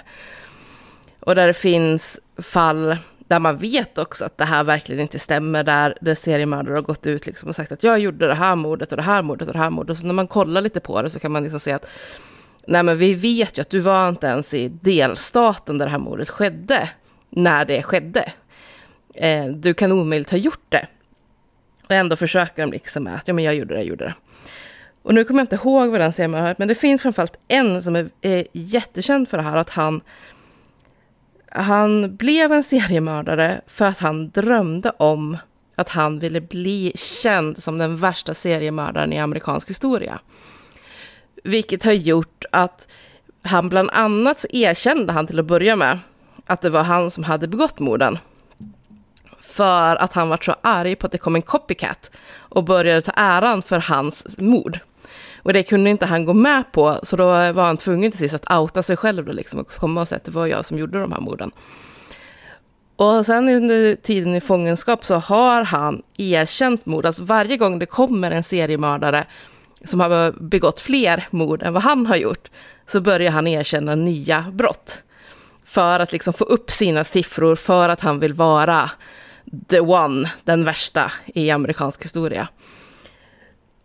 Och det är ju en... en det, anledningen till att man gör de här uppdelningarna är ju för att det är väldigt olika psykologiska processer som leder fram till de här falska erkännandena. Och när det kommer till den här typen av då, att någon frivilligt kommer och erkänner mord falskt, lite samma som Sture ändå gjorde liksom i, först, att han började erkänna och sen utnyttjar ju de eh, från polisen i det här fallet då, hans psykologiska status, hans medicinberoende och sådana då, för att forma de här falska erkännandena till någonting som skulle kunna funka i rätten. Men det, det brukar handla framförallt om att det är någon som är extremt uppmärksamhetssökande. Som har en väldigt vriden form av narcissism eller, eller liknande och som verkligen vill få det här strålkastarljuset på sig. Och det, är- det är lite det här, om man inte kan bli älskad så vill man bli hatad, och kan man inte bli hatad så vill man bli fruktad, men ingen vill vara osynlig. Och att den här typen då utav, av narcissism blir lite så att ja men någonting ska jag vara känd för. Och kan jag inte bli känd för någonting annat så, och då tänker jag ta på mig att jag har gjort massor med mord. Eh, och vissa har jag gjort och vissa har jag inte gjort. Men jag tänker ta på mig massor.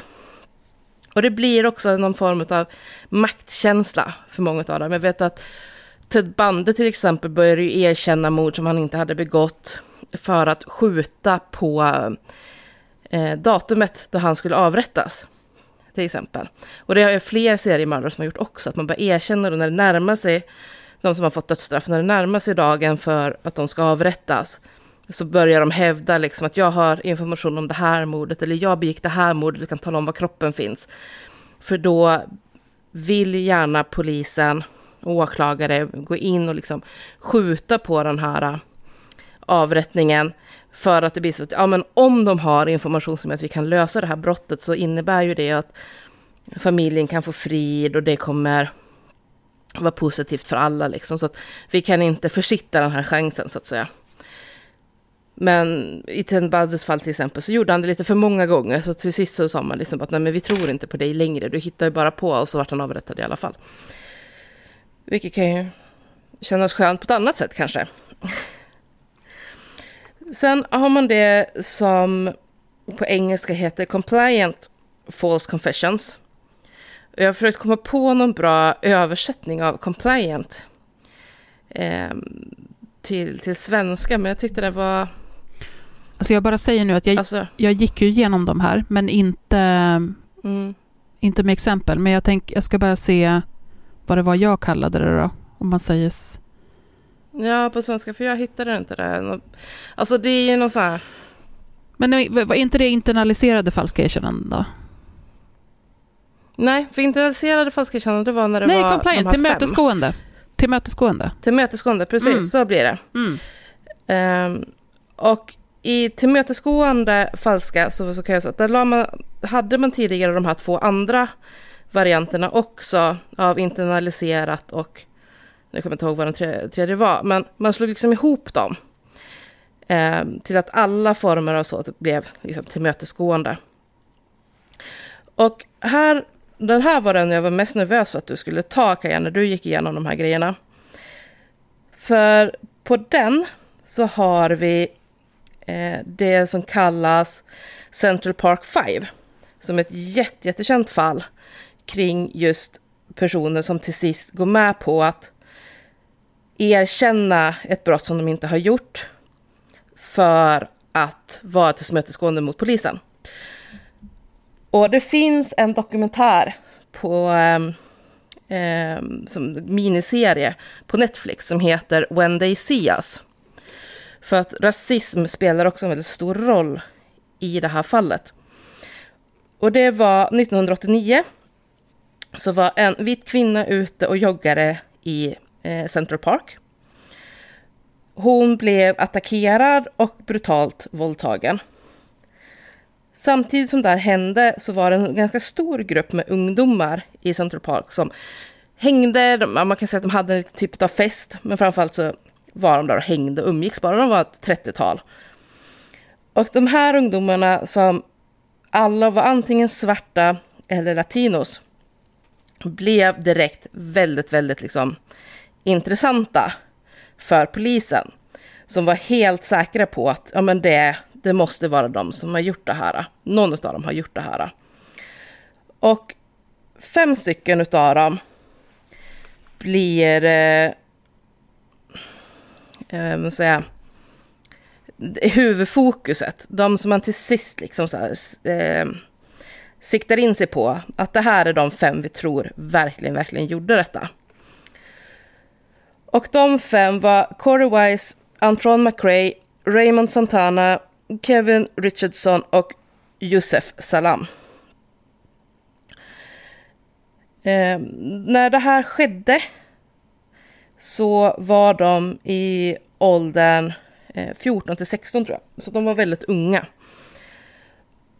Och under förhören så använder använde man sig av ett flertal av de här teknikerna som Kajan pratar om. Med att börja prata om att det här kommer kännas bättre för dig om du erkänner. Man hotar också med våld. Man gjorde inspelningar som man spelade upp som skulle få eh, de här killarna att tro att någon av de andra pojkarna varit misshandlade i rummet bredvid och att om de inte börjar samarbeta med polisen så kommer de bli misshandlade nästa gång. Men man drog också ut väldigt mycket på förhören. Det var väldigt, väldigt långa förhör. De pågick någonstans mellan 14 till 30 timmar i sträck. Eh, och jag, vet, jag kommer inte ihåg nu, kan jag nämnde du det ungefär hur vanligt det är med falska erkännanden efter långa förhör? Uh, nej, inte kopplat till långa förhör. Nej. Um, i, I den här forskningsrapporten som jag satt och läste i så pratar man om det att ungefär 87 procent av alla falska erkännanden kommer efter förhör på sex timmar eller mer. För att folk helt enkelt börjar bli trötta, man undanhåller ganska ofta mat och vatten under de här långa förhören, så man blir törstig och hungrig, man kanske inte får sova. Är det som i det här fallet, förvisso talar man alltså 30 timmars förhör, ja, då har man liksom inte fått vila överhuvudtaget på mer än ett dygn. Och då blir man också mer lättövertalad. För att man vill bara komma ur den här situationen. Vi såg det också i West Memphis 3 eh, med Miss Kelly när han till sist också började bli trött efter jätte, jättelånga förhör och han ville bara få komma hem. Och det här är också vad man börjar använda mot de här pojkarna till sist efter de här flertalet sådana här långa, långa förhör. Att man börjar säga att om ni erkänner nu, bara berätta vad det är som faktiskt har hänt här, så får ni komma hem. Då ska ni få träffa era föräldrar igen, ni ska få komma hem, ni, ni ska liksom få slippa den här situationen. Och de blir dömda allihopa. Ehm, den som får kortast tid i fängelset fick 5-10 år. Och den som fick längst tid i fängelset fick 15 år. Och när man ser på det så här efterhand så är det fortfarande många som tycker att det är helt sjukt. Hur kunde de bli fällda? För ingen av de här fem pojkarnas historier gick ihop. Ingen av deras berättelser matchar med offrets berättelse av hur det här gick till. Det fanns DNA-prov, ehm, det var sperma kvar, bland annat efter övergreppet. Och ingen av pojkarna, pojkarnas DNA matchade mot DNA man hittade på offret. Så det fanns verkligen ingenting som knöt dem vid det här brottet. Men eftersom man hade fått alla fem att erkänna och alla fem att säga att de andra fyra var med på det, så räckte det för fällande domar. Och när de till sist då blir fri, efter 13 år, så häver man domarna mot dem. Då är det för att en annan man kommer fram och säger att det var faktiskt jag som gjorde det här. Och det var en snubbe då som var serievåldtäktsman. Mm. Som fick någon form av eh, eh, ångerpåslag där efter en jävla massa år och en jävla massa eh, brottsoffer. Så att han erkände att det var jag som gjorde det här och när man då matchade hans DNA mot spermaproverna från brottsplatsen så konstaterade man att det var en fullständig matchning. Och han dömdes då så småningom för det här. Men här kommer vi också ändå till eh, brottsofferperspektivet. Mm.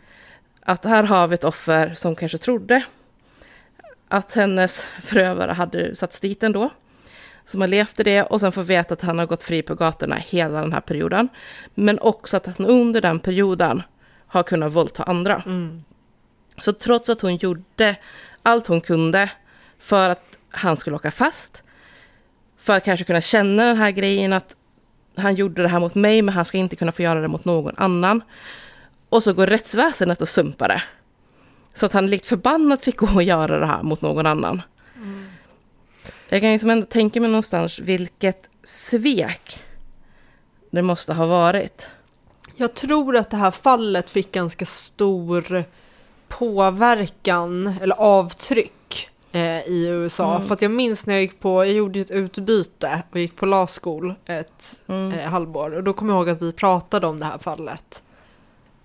Mm. Um, man säger ju att det än idag det är liksom det mest kända amerikanska fallet egentligen kring falska erkännanden. Jag tror, om jag inte missminner mig, så tror jag att även en del av det här var också att det var en, därför det här fick ju extremt stor uppmärksamhet i media.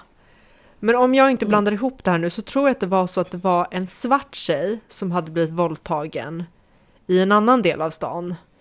Eh, och där man också liksom letade förövarna, förövarna och att ingen brydde sig. Och att det, att det var en del av kritiken också, att så här, det här fick så extremt stor uppmärksamhet men, men eh, Mm. eh, det här andra fallet var liksom ingen brydde sig.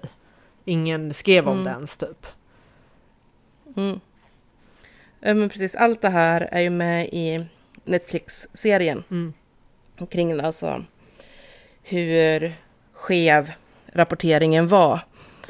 Och synen på de här unga killarna och namnet på dokumentärserien är ju taget av liksom att de till ganska stor del kände liksom att så fort de kommer in i rättssalen och juryn ser dem så kommer de vara dömda. Mm. Trots att bevisningen egentligen inte alls håller så kommer de att bli dömda. Och de fick rätt också, Mm. tyvärr. Eh, sen hade vi då den sista varianten här med övertalad falsk eh, erkännande.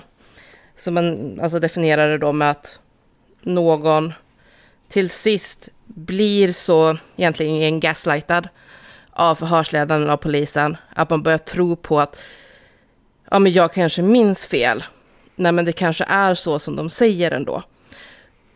Och här skulle jag säga att ett väldigt uppmärksammat fall kring det här är ju Making a Murderer-dokumentären. Där han är helt inne på att jag har inte gjort det här. Jag har verkligen inte gjort det här. Men till sist börjar han också vackla. Mm. För att polisen är så på liksom att det kan inte ha varit någon annan, det måste ha varit du, kan inte ha varit så här eller så här så att du har förträngt det eller du har glömt det. Och till sist så börjar det bli lite det här att ja, men om alla nu säger att jag har gjort det här så kanske det är så ändå. Ja, så då... Och det var också lite med i West Memphis 3 där till sist liksom Mm. av att det vart så mycket att alla säger att vi har gjort det här så ja, kanske ändå. Jag Ja. kanske bara inte... Nej men exakt, jag tycker inte alls att det är särskilt svårt att, att tänka sig in i den situationen. Att om någon Nej. verkligen matar en med det, att, man, att du har gjort att det blir verkligen den här gaslighting situationen där man till slut bara så här, ja men det, det, jag måste ju ha, jag måste ju vara liksom psykiskt sjuk som har Mm. bara helt förträngt att jag har gjort det här liksom. Mm. Ja, men det, och det, jag kan på ett sätt nästan tycka att den är läskigast Mm. utav de här. Alltså den, de som frivilligt erkänner har jag inte så jävla mycket empati med, för de vet vad de gör och varför de gör det. Ehm, och jag har liksom full förståelse för dem som är ändå medvetna om att nu ljuger jag, men jag gör det för att de ska sluta vara på mig. Mm. Det, det kan jag liksom så verkligen, verkligen fullt förstå. Mm. Men det som känns obehagligt är, är ju verkligen de här stackarna som försöker och försöker och försöker stå fast vid sin sanning och till sist ändå vacklar i det och tänker att ja, nej men jag kanske var så full ändå att jag gjorde det här Mm. utan att komma ihåg det. Mm. Eller vad det nu kan vara liksom då. Och jag vet att man höll på med det lite i Kevin-fallet också. När de hävdade att de inte alls hade gjort det här. Att man börjar trycka lite på det. Att nej, men ni, ni har bara förträngt det. Mm. Ni kommer inte ihåg att ni har gjort det.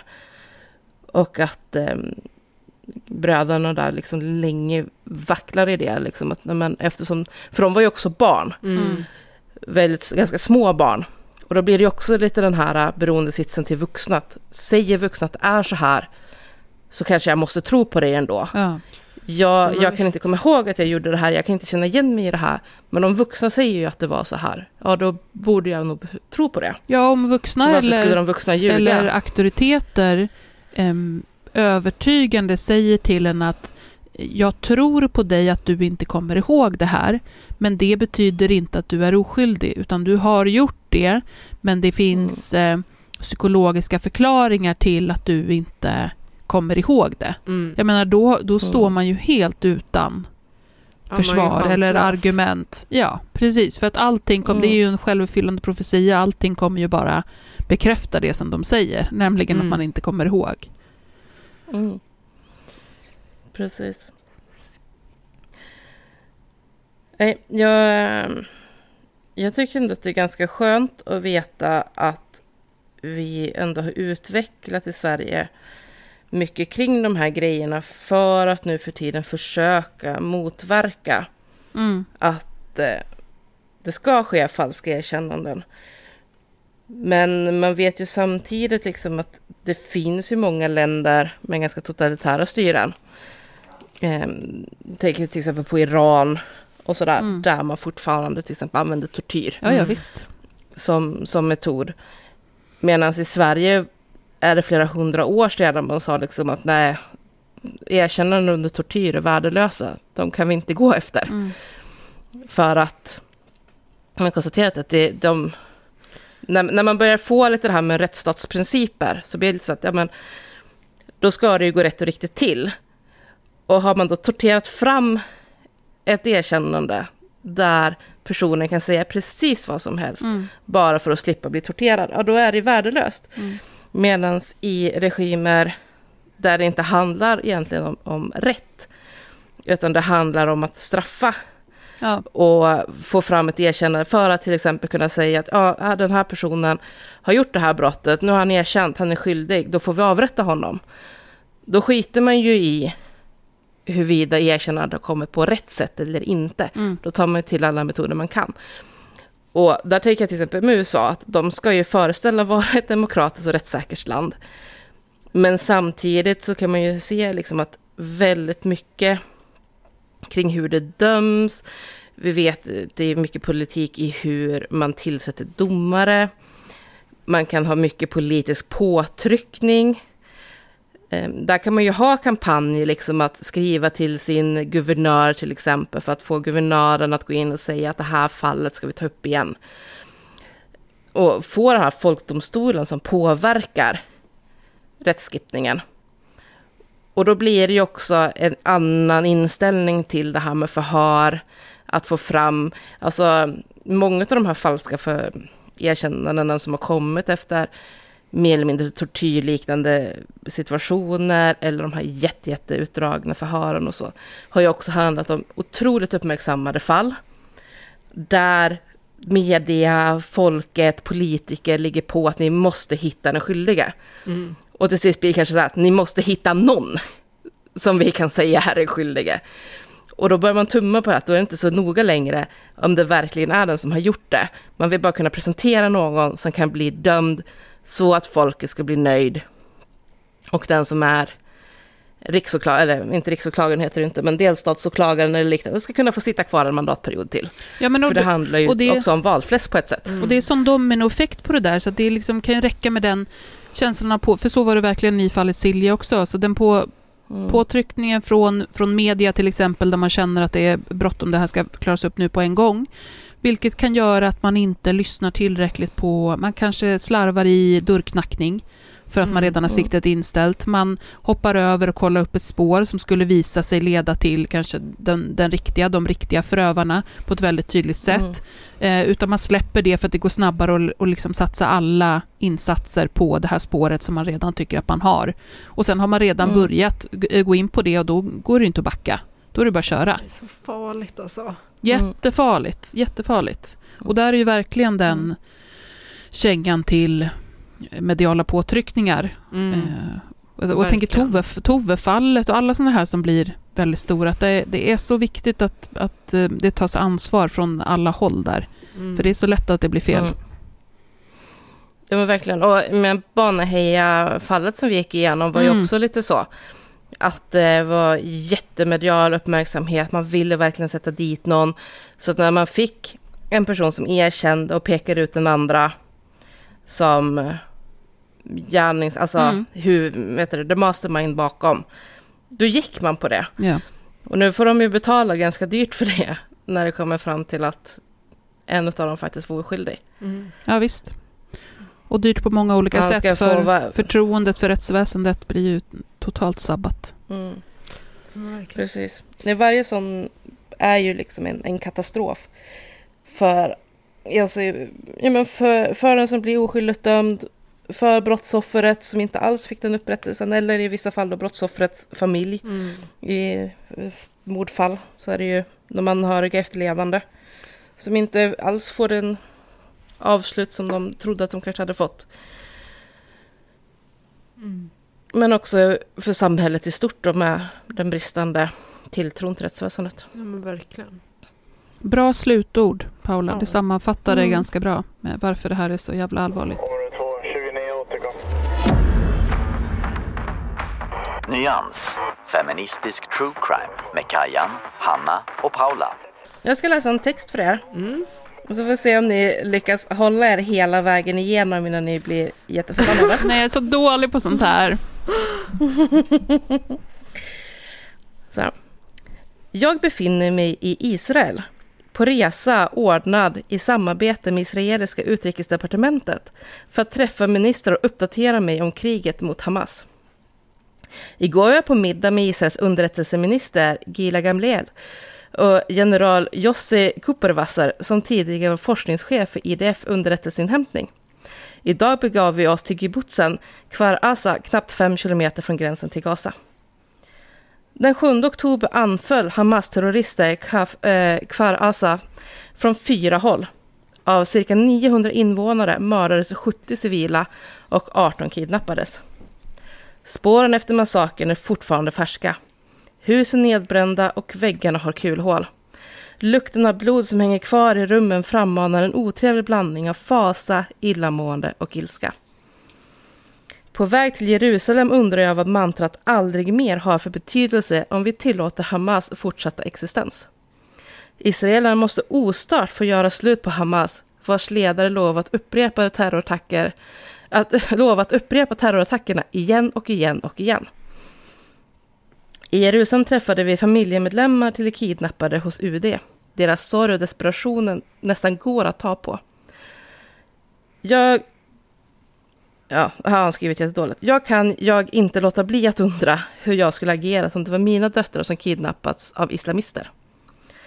Därefter träffade vi ministern för diasporafrågor och bekämpande av antisemitism, Amit Shikli, som beskrivningen av hur kriget drabbat judar om i världen. Hot och trakasserier mot judar och demonstration till stöd för Hamas förekommer inte bara i Sverige. Nu på väg till Knesset för möte med ledamöter och diskussioner om olika former av samarbeten för att motverka Hamas inflytande i Europa. Under dagen bekräftades att man här nere förstår man faran med islamism betydligt bättre än hemma och säkerhetsfrågor överordnas diskussioner om semantik och känslor. Besöket avrundas ikväll med middag med en tidigare överstelöjtnant i den militära underrättelsetjänsten, Dr. Mordechai Kedar, som bland annat specialiserat sig på Muslimska brödraskapet. Jag hoppas mitt arbete för att stoppa EUs finansiering av islamister kommer väcka intresse. En lång och lä lärorik dag fylld med intryck, känslor och sorg är snart slut. En sak är säker, när jag kommer hem kommer jag krama mina flickor länge och hårt. Det måste vara nästa SD-are. Ja, det är det. Det är det. Vem, vem är det som har skrivit det här? Det här har skrivits då utav Charlie Weimers. Vem, Som vem fan sitter- är det? Han är riksdagsledamot för Sverigedemokraterna. Där ser man. Alltså det som jag såg, jag såg Kajans ansikte bara what the fuck. Det här med att Israel... Nej, förlåt, inte riksdags... E- EU, EU, EU-parlamentet ja. sitter han i. Nej men jag såg Kajans ansikte också, det här med att, han o, o, att Israel ostört ska få bekämpa Hamas Mm. och eh, med andra ord bomba sönder civila eh, i, i massor. Det är för, det, för att, att, att ostört bekämpa Hamas betyder ju att vi ska inte bry oss om alla civila som dör. Det är ju det det betyder. Mm. Och också det här att han pratar om att demonstrationer till eh, stöd för Hamas. Med det menar han ju alla Mm. Palestina-demonstrationer. Visst. Och försöker hävda att vi, alla vi som har gått på en Palestina-demo är Hamas-sympatisörer. Visst. Men det är så, det är så jävla eh, unket och att göra det så himla lätt för sig och säga så. Eh, för det är så här, ja vi vill alla, Hamas är jättedåliga, absolut. Men du kan ju inte spränga sönder 15 000 civila hur som helst. Och Ja, de är fler uppe än i så. 23 000 nu. Ja. Mm. Nej, men då, det är så avslöjande med just det där ostört. De ska Ja. ostört Ja, få. ingen Alltså, ska det se är inte på ens. Nej, och inte i något sammanhang. Jag försöker tänka något så här otroligt västerländskt eller typ för oss jättenära relaterbart. Eh, men skitsamma, skulle vi, skulle vi ha en, en eh, lokal terror, ja men så här gängkrigen då. Mm. Vi, vi ska ost, alltså inte i något sammanhang Nej. har det en bra klang som Nej. känns så här, det här Nej. känns som eh, eh, pålitligt och eh, legit aktioner Nej. att göra. Så himla Vi ska, obehagligt. svensk polis, vi ska ostört få bekämpa gängkriminaliteten. Nej, absolut Mm. inte. För det är också någonstans att Nej. säga, alltså det, det som ligger för mig i det ordet också är ju så här att ingen ska få kritisera, ingen ska få eh, observera, dokumentera. Det här Ja. ska liksom, do, Mm. och, och det finns inga gränser, ingen proportionalitet. Det finns liksom, Mm. Nej. men, men det är så också som han gave it away att det var en SD-are, det var ju när, när han skrev om att islami- islamism. Exakt, de har fattat hur farligt det är med islamist och det har inte vi, det har inte vi i Sverige. Man bara okej det är SD det. Det är SD. Ja. ja. Ja, och jag, jag skrev lite om det här i mina stories och verkligen det här bara, ni är så jävla genomskinliga. Ja. För att vi vet ju samtidigt som han står där och ler bredvid israeliska politiker och pratar om hur Israel ostört ska få bekämpa Hamas, det vill säga döda så många muslimer de kan, Mm. så sitter hans partikamrater i Sverige och fortsätter gagga om att judar kan inte vara svenskar. Man, De kan vara svenska medborgare, Ja. men de kan inte vara svenskar. Ja. För det ingår inte i den svenska identiteten att vara annat än ateist eller kristen. Mm. Så är man jude så är man inte svensk, bara svensk medborgare. Och att då, då, deras ställning då som minoritets... Eh, erkänd minoritet, nu höll jag på att säga deras ställning som minoritetsspråk, vilket de också har Mm. på jiddisch, men ja, deras ställning då liksom som, som ett minoritetsfolk är, menar ju de, beviset på att de inte är svenskar. För att du kan inte vara en minoritet i Sverige och fortfarande svensk. alltså det är som bullshit. Trots att själva definitionen är att du är minoritetssvensk. Ja, Men så korkade. ja, men det, alltså man blir så här, de som träffade honom i Israel, alla från Kneset och ja, allt vad det var, är de medvetna om att så här, det här är en person som är sprungen från ett i grunden nazistiskt parti? Är ni medvetna Ja, om men det? till viss del. För jag men, ja. ja, men det måste de nästan vara. För jag vet att Netanyahu så sent som tidigare i år, typ i våras, tog ju avstånd ifrån SD och sa att ni, ni är nazister och vi litar inte på er. Mm. Alltså, vi, vi vet att ni Det är hatar inte ens judar så långt fort bort, vi det är tittar bort. pågående liksom. Det är Ja, inte som ja. att det är Ja, någonting i historien. Alltså, det, är, det är inte någonting som...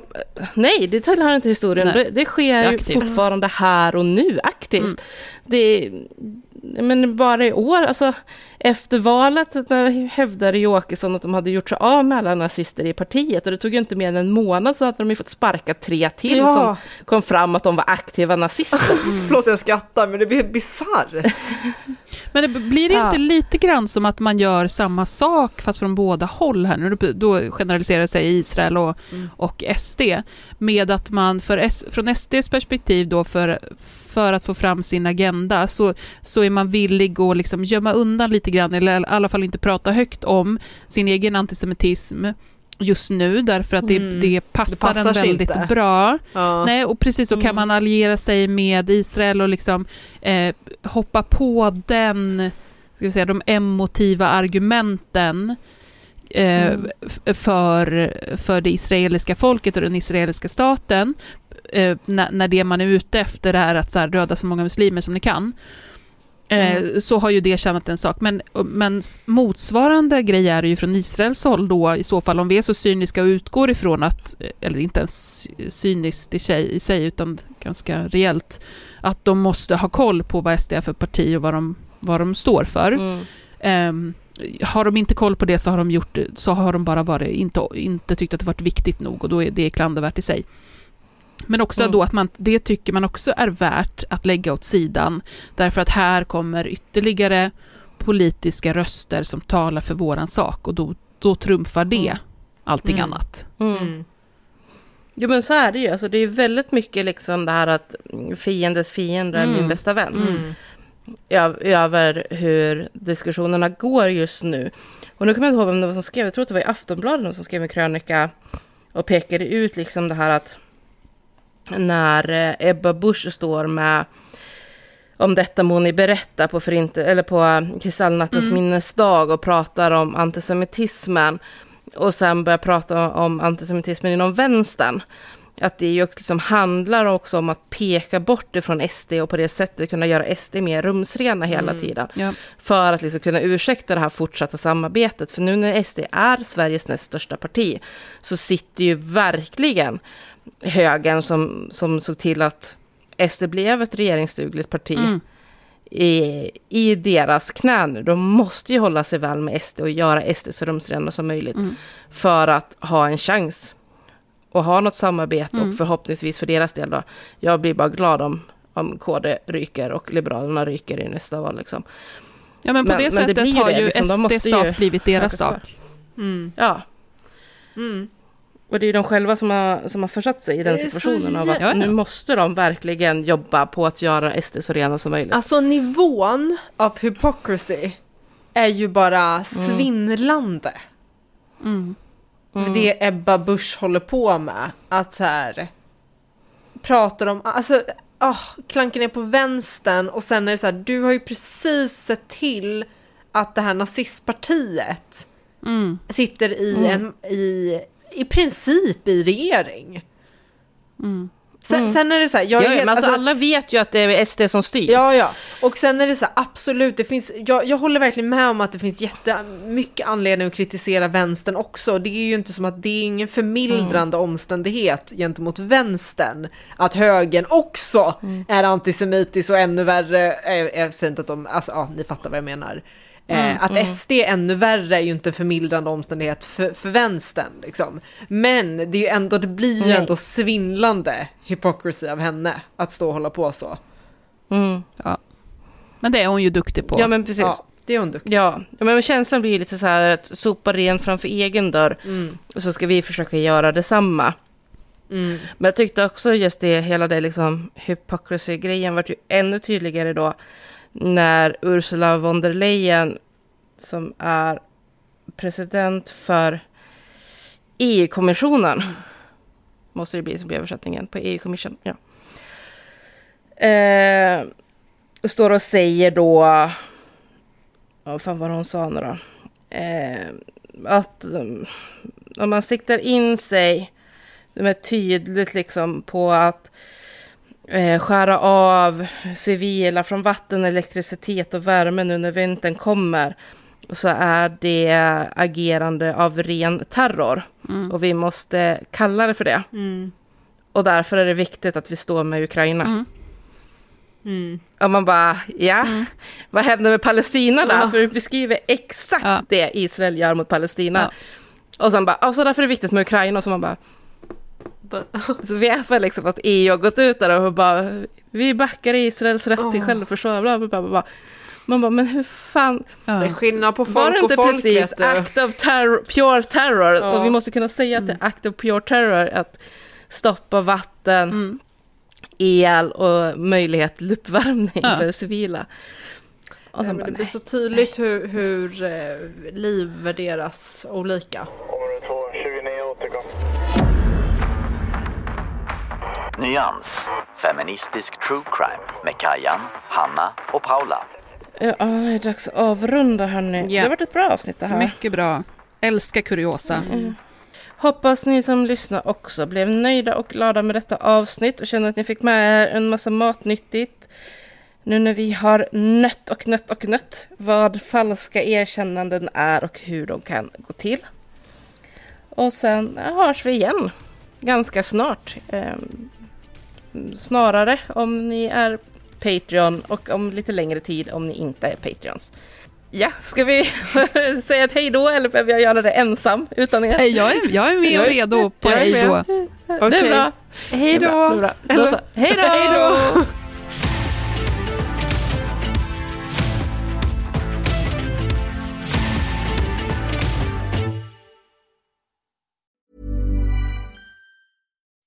When you make decisions for your company, you look for the no brainers. If you have a lot of mailing to do, stamps.com is the ultimate no brainer. Use the stamps.com mobile app to mail everything you need to keep your business running with up to 89% off USPS and UPS. Make the same no brainer decision as over 1 million other businesses with stamps.com. Use code PROGRAM for a special offer. That's stamps.com code PROGRAM.